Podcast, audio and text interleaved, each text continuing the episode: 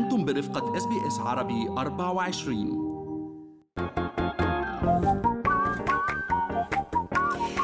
شو في ما في شاكو ماكو من أستراليا وحول العالم بفقرة منوعات آخر فقرات برنامجنا الصباحي Good Morning Australia وأنا بترا طوق الهندي.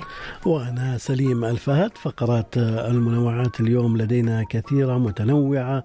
يمكن فنية بامتياز. نبدأ اولا من الولايات المتحدة لا تصرخ في وجهه. زوجة بروس ويلس تطالب باحترام مرضه.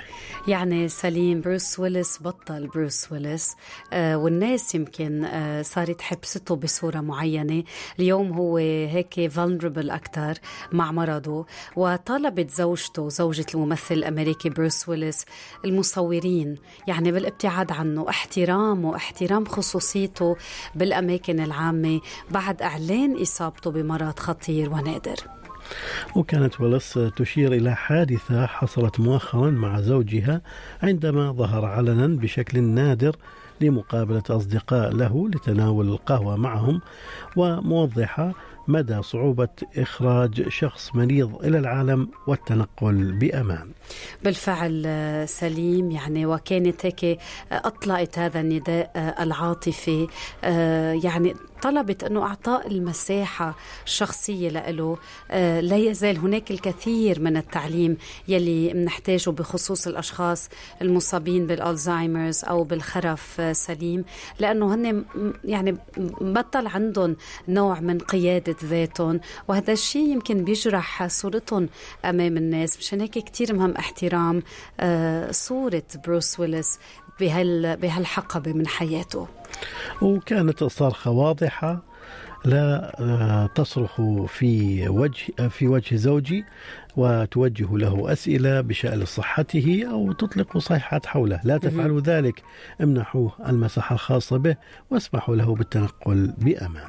وطالبت ويلس أخصائي رعاية دايمنشيا أو الألزهايمرز أو الخرف بتوجيه نصائح توعوية يعني حول كيفية إخراج هالمرض تحديدا أو المريض إلى العالم بأمان سليم. ولمن لا يعرف بروس ويلس فهو ممثل ومغني أمريكي ظهر في أكثر من مئة فيلم. حقق شهرة واسعة من خلال دوره في المسلسل الكوميدي الدرامي Moonlighting ضوء القمر خلال منتصف الثمانينات من القرن الماضي. وكانت عائلة ويلس كشفت العام الماضي أنه مصاب بمرض الحبسة الكلامية وهي حالة نادرة سليم بيفقد فيها المريض بشكل جزئي أو بشكل كلي القدرة على التعبير والكلام. هالشي خليه يبعد عن التمثيل يعتزل التمثيل. وشهر الماضي كمان أفادت العيلة أنه يعاني من الخرف الجبهي الصدعي يلي نحن بنعرف أنه لهاللحظة ما عنده علاج وبخلي الشخص كمان يفقد تدريجيا ذكرته نتمنى السلامة للجميع. خلينا نروح الآن إلى يمكن أنا حبيت هذا الخبر وهو خبر مطول حقيقة حول الدراما المصرية. هذه المرة في رمضان 2023 تقدم يعني دراما تاريخية وأيضا دينية وأخرى اجتماعية. شوف التفاصيل. يعني عندنا كتير أخبار بصحيفة النهار يعني كانت في هيك تقريبا round up سريع للإصدارات الرمضانية. نحن قبل أيام من بداية هذا الشهر الفضيل. محمد رمضان رح يكون حاضر بعمل اسمه جعفر العمدة وهذا العمل يخوض السباق الرمضاني. وعيد محمد رمضان من خلاله للتعاون مجددا مع المخرج محمد سامي وتدور أحداث العمل بإطار الدراما الشعبية الاجتماعية.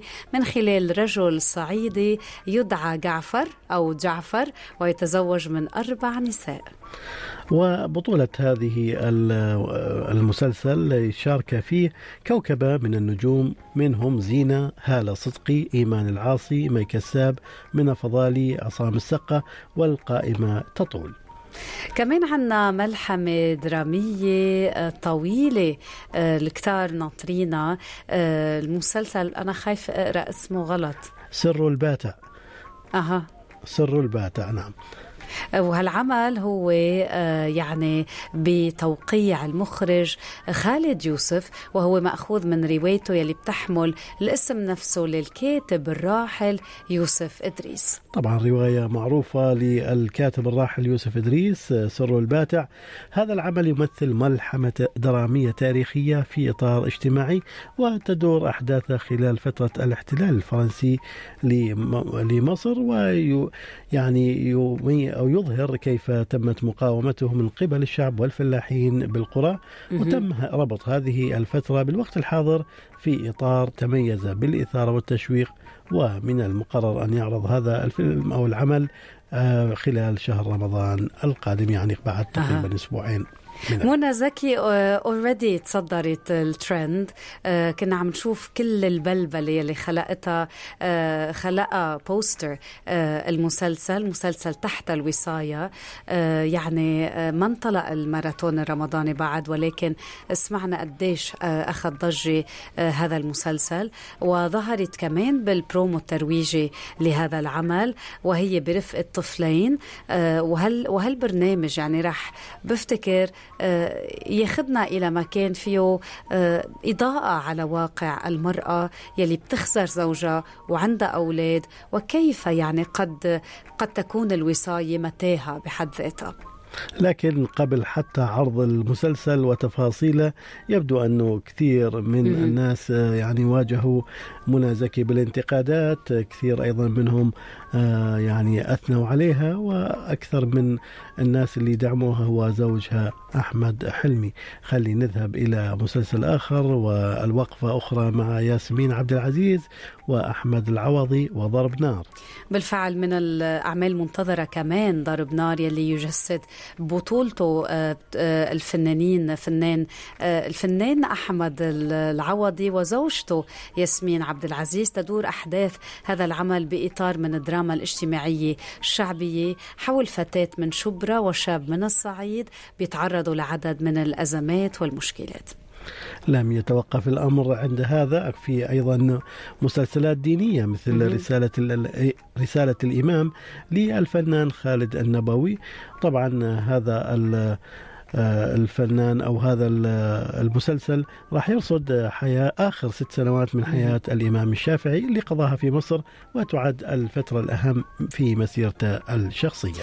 أول تجربة صعيدية درامية لنيللي كريم بعملة نادرة أه بفتكر رح نشوفها بتألق مختلف سوق الكانتو أه أمير كرارة وماي عز الدين كمان مسلسل بإطار اجتماعي درامي حول كمان منطقة شعبية تدعى سوق الكانتو لبيع القماش ويقع شاب في حب فتاة يونانية وبتبدأ آه، بتبدأ رحلة طويلة من من الصراعات. وعلى وزن جعفر العمدة في أيضا حضرة العمدة. وهذه كان لمسلسل أيضا من بطولة الفنانة روبي.